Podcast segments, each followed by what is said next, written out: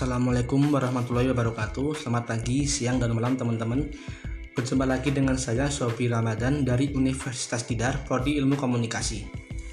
Dalam kesempatan kali ini Saya mau mengajak teman-teman untuk membahas mengenai citizen jurnalisme Sebagai memenuhi tugas mata kuliah jurnalisme online.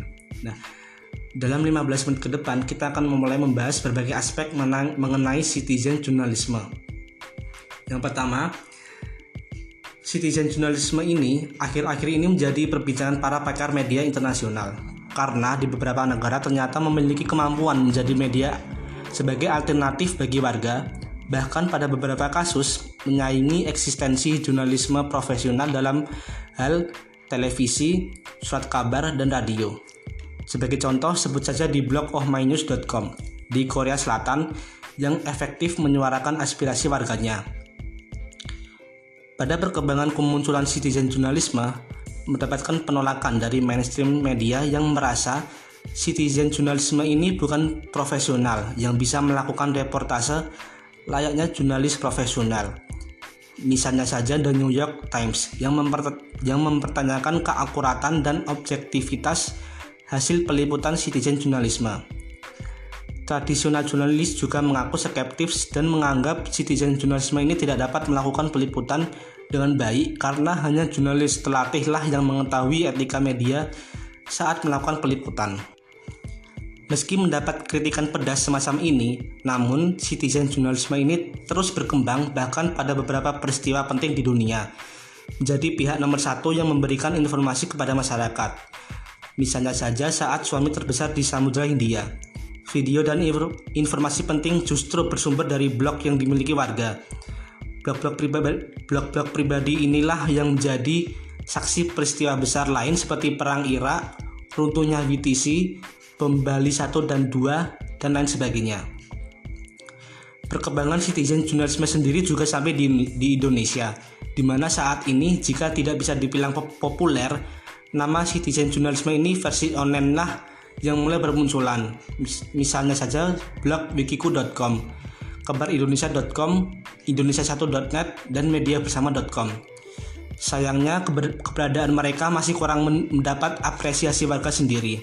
Padahal blogger di Indonesia ini pada dasarnya memberikan kontribusi besar bagi masa reformasi di Indonesia pada tahun 1998, di mana saat itu para bloggerlah yang melakukan indikasi KKN di, di keluarga cendana seorang pakar Malaysia yang ahli dalam perkembangan teknologi informasi dia mengatakan bahwa citizen online jurnalisme di Malaysia berkembang karena negara ini tidak memiliki kebebasan pers. Jadi dia sendirilah yang mengatakan bahwa pada dasarnya negara seperti Indonesia tidak memerlukan citizen jurnalisme karena pers konvensional sudah memberikan informasi yang dibutuhkan oleh masyarakat.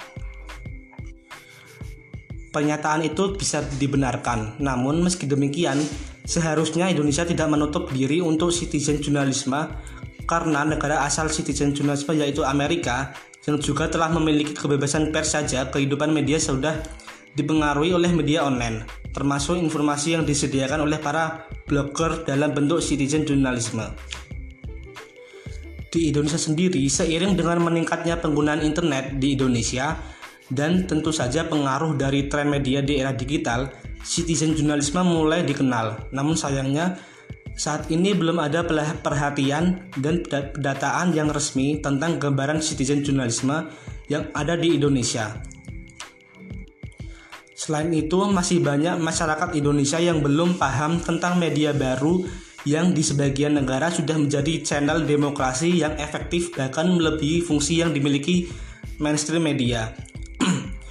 Pengenalan citizen di Indonesia justru berawal bukan dari website khusus citizen jurnalisme, namun justru buntut dari perkembangan online jurnalisme. Gagasan mainstream media yang di era TI ini beramai-ramai membuat versi online.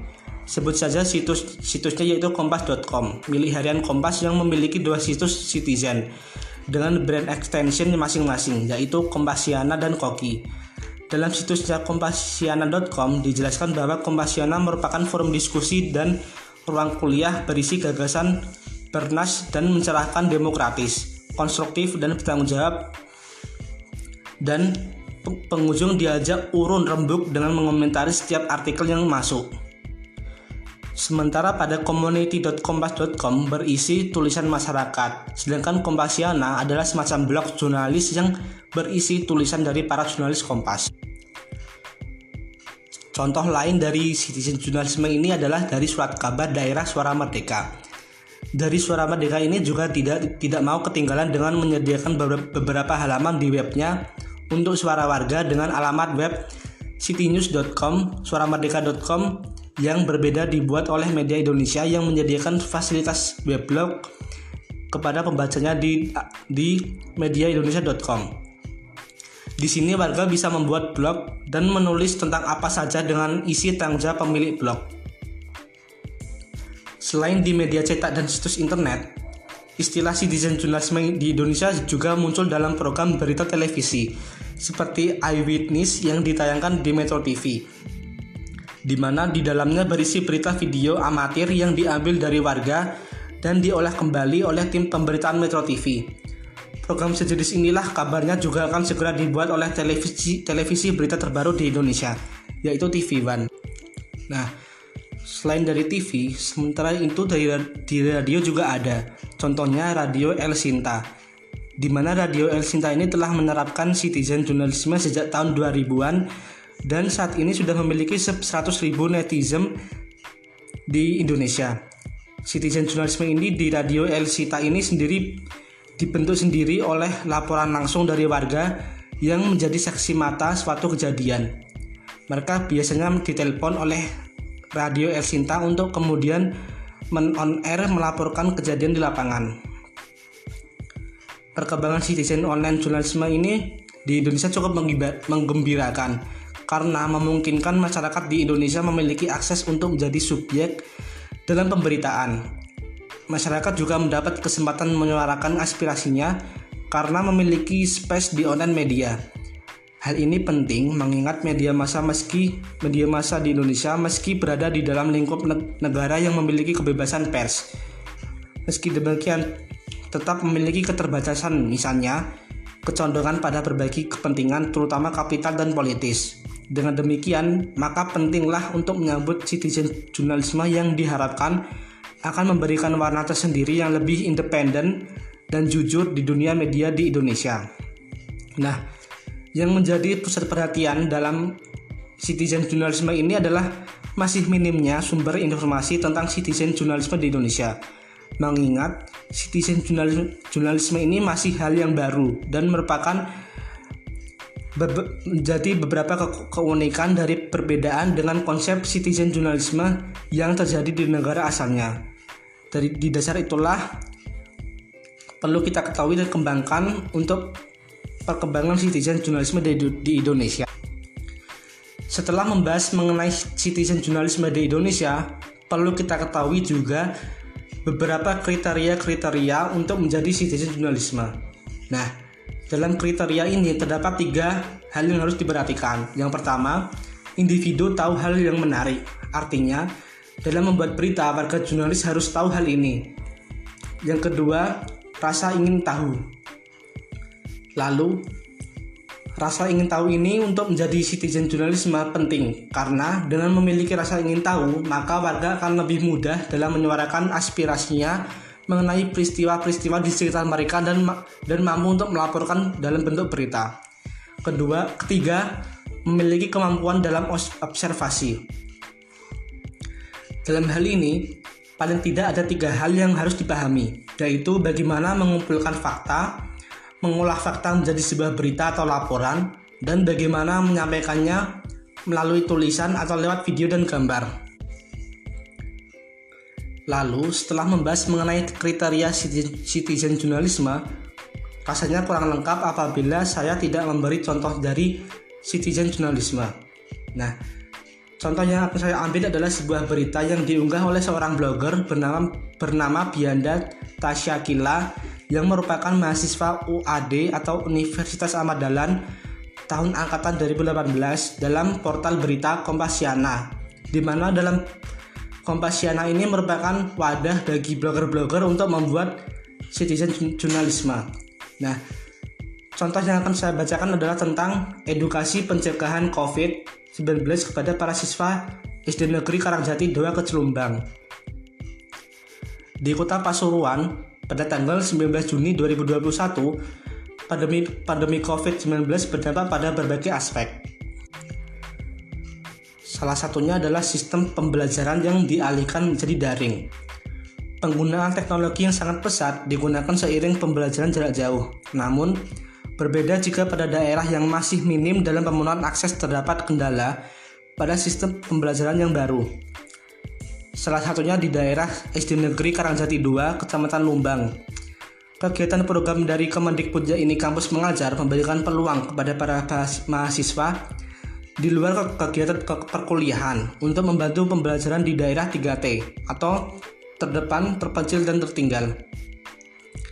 Dari mahasiswa Universitas Ahmad Dahlan, KKN, ikut KKN kampus mengajar juga ikut serta dalam mengajar. Dalam program tersebut, Pelaksanaannya selama tiga bulan, dimulai dari bulan April hingga Juni 2021.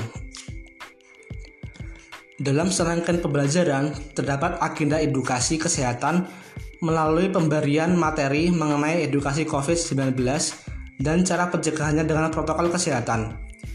Pemenuhan fasilitas sekolah sebagai penerapan protokol kesehatan seperti tempat cuci tangan, penyediaan masker, penggunaan termogun juga harus didukung dengan pengetahuan para siswa terkait COVID-19. Pentingnya dilakukan edukasi kepada para siswa ini berjumlah 39 siswa secara keseluruhan dari kelas 1 SD sampai 6 SD yang masih kurang minimnya pengetahuan mengenai COVID-19.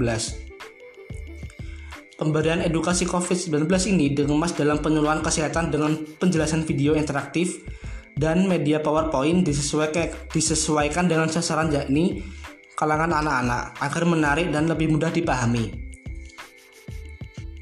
Nah, selain itu, pemberian poster kesehatan tentang pencegahan COVID juga diberikan pada setiap ruangan kelas. Tujuan dari edukasi kesehatan ini untuk dan pemasangan poster ini untuk kesehatan dan memberikan peningkatan pengetahuan dari perubahan perilaku dalam penerapan protokol kesehatan sebagai upaya meminimalisir penyebaran virus corona. Program ini memberikan motivasi dan mengajak para siswa untuk sadar akan pentingnya menjaga kesehatan dan menghindari penyakit terutama COVID-19 supaya lebih produktif dan mengikuti kegiatan pembelajaran. Nah, selain dari contoh tersebut, saya akan membacakan satu lagi contoh dari Kompasiana lagi yang berjudul Pelatihan Prakarya KKN UM Desa Kerandegan ajak generasi muda asah kreativitas dengan barang bekas. Nah, pada Rabu 23 Juni, limbah selalu menjadi masalah yang tidak bisa dihindari dalam setiap pengelolaan desa. Hal ini menjadi pemicu mahasiswa KKN UM Desa Kerandegan untuk melaksanakan program kerja atau pelatihan prakarya. Dalam program kerja ini diharapkan mampu memberikan pengetahuan dalam memanfaatkan berbagai macam barang bekas menjadi benda yang lebih bermanfaat, bahkan memiliki nilai ekonomi.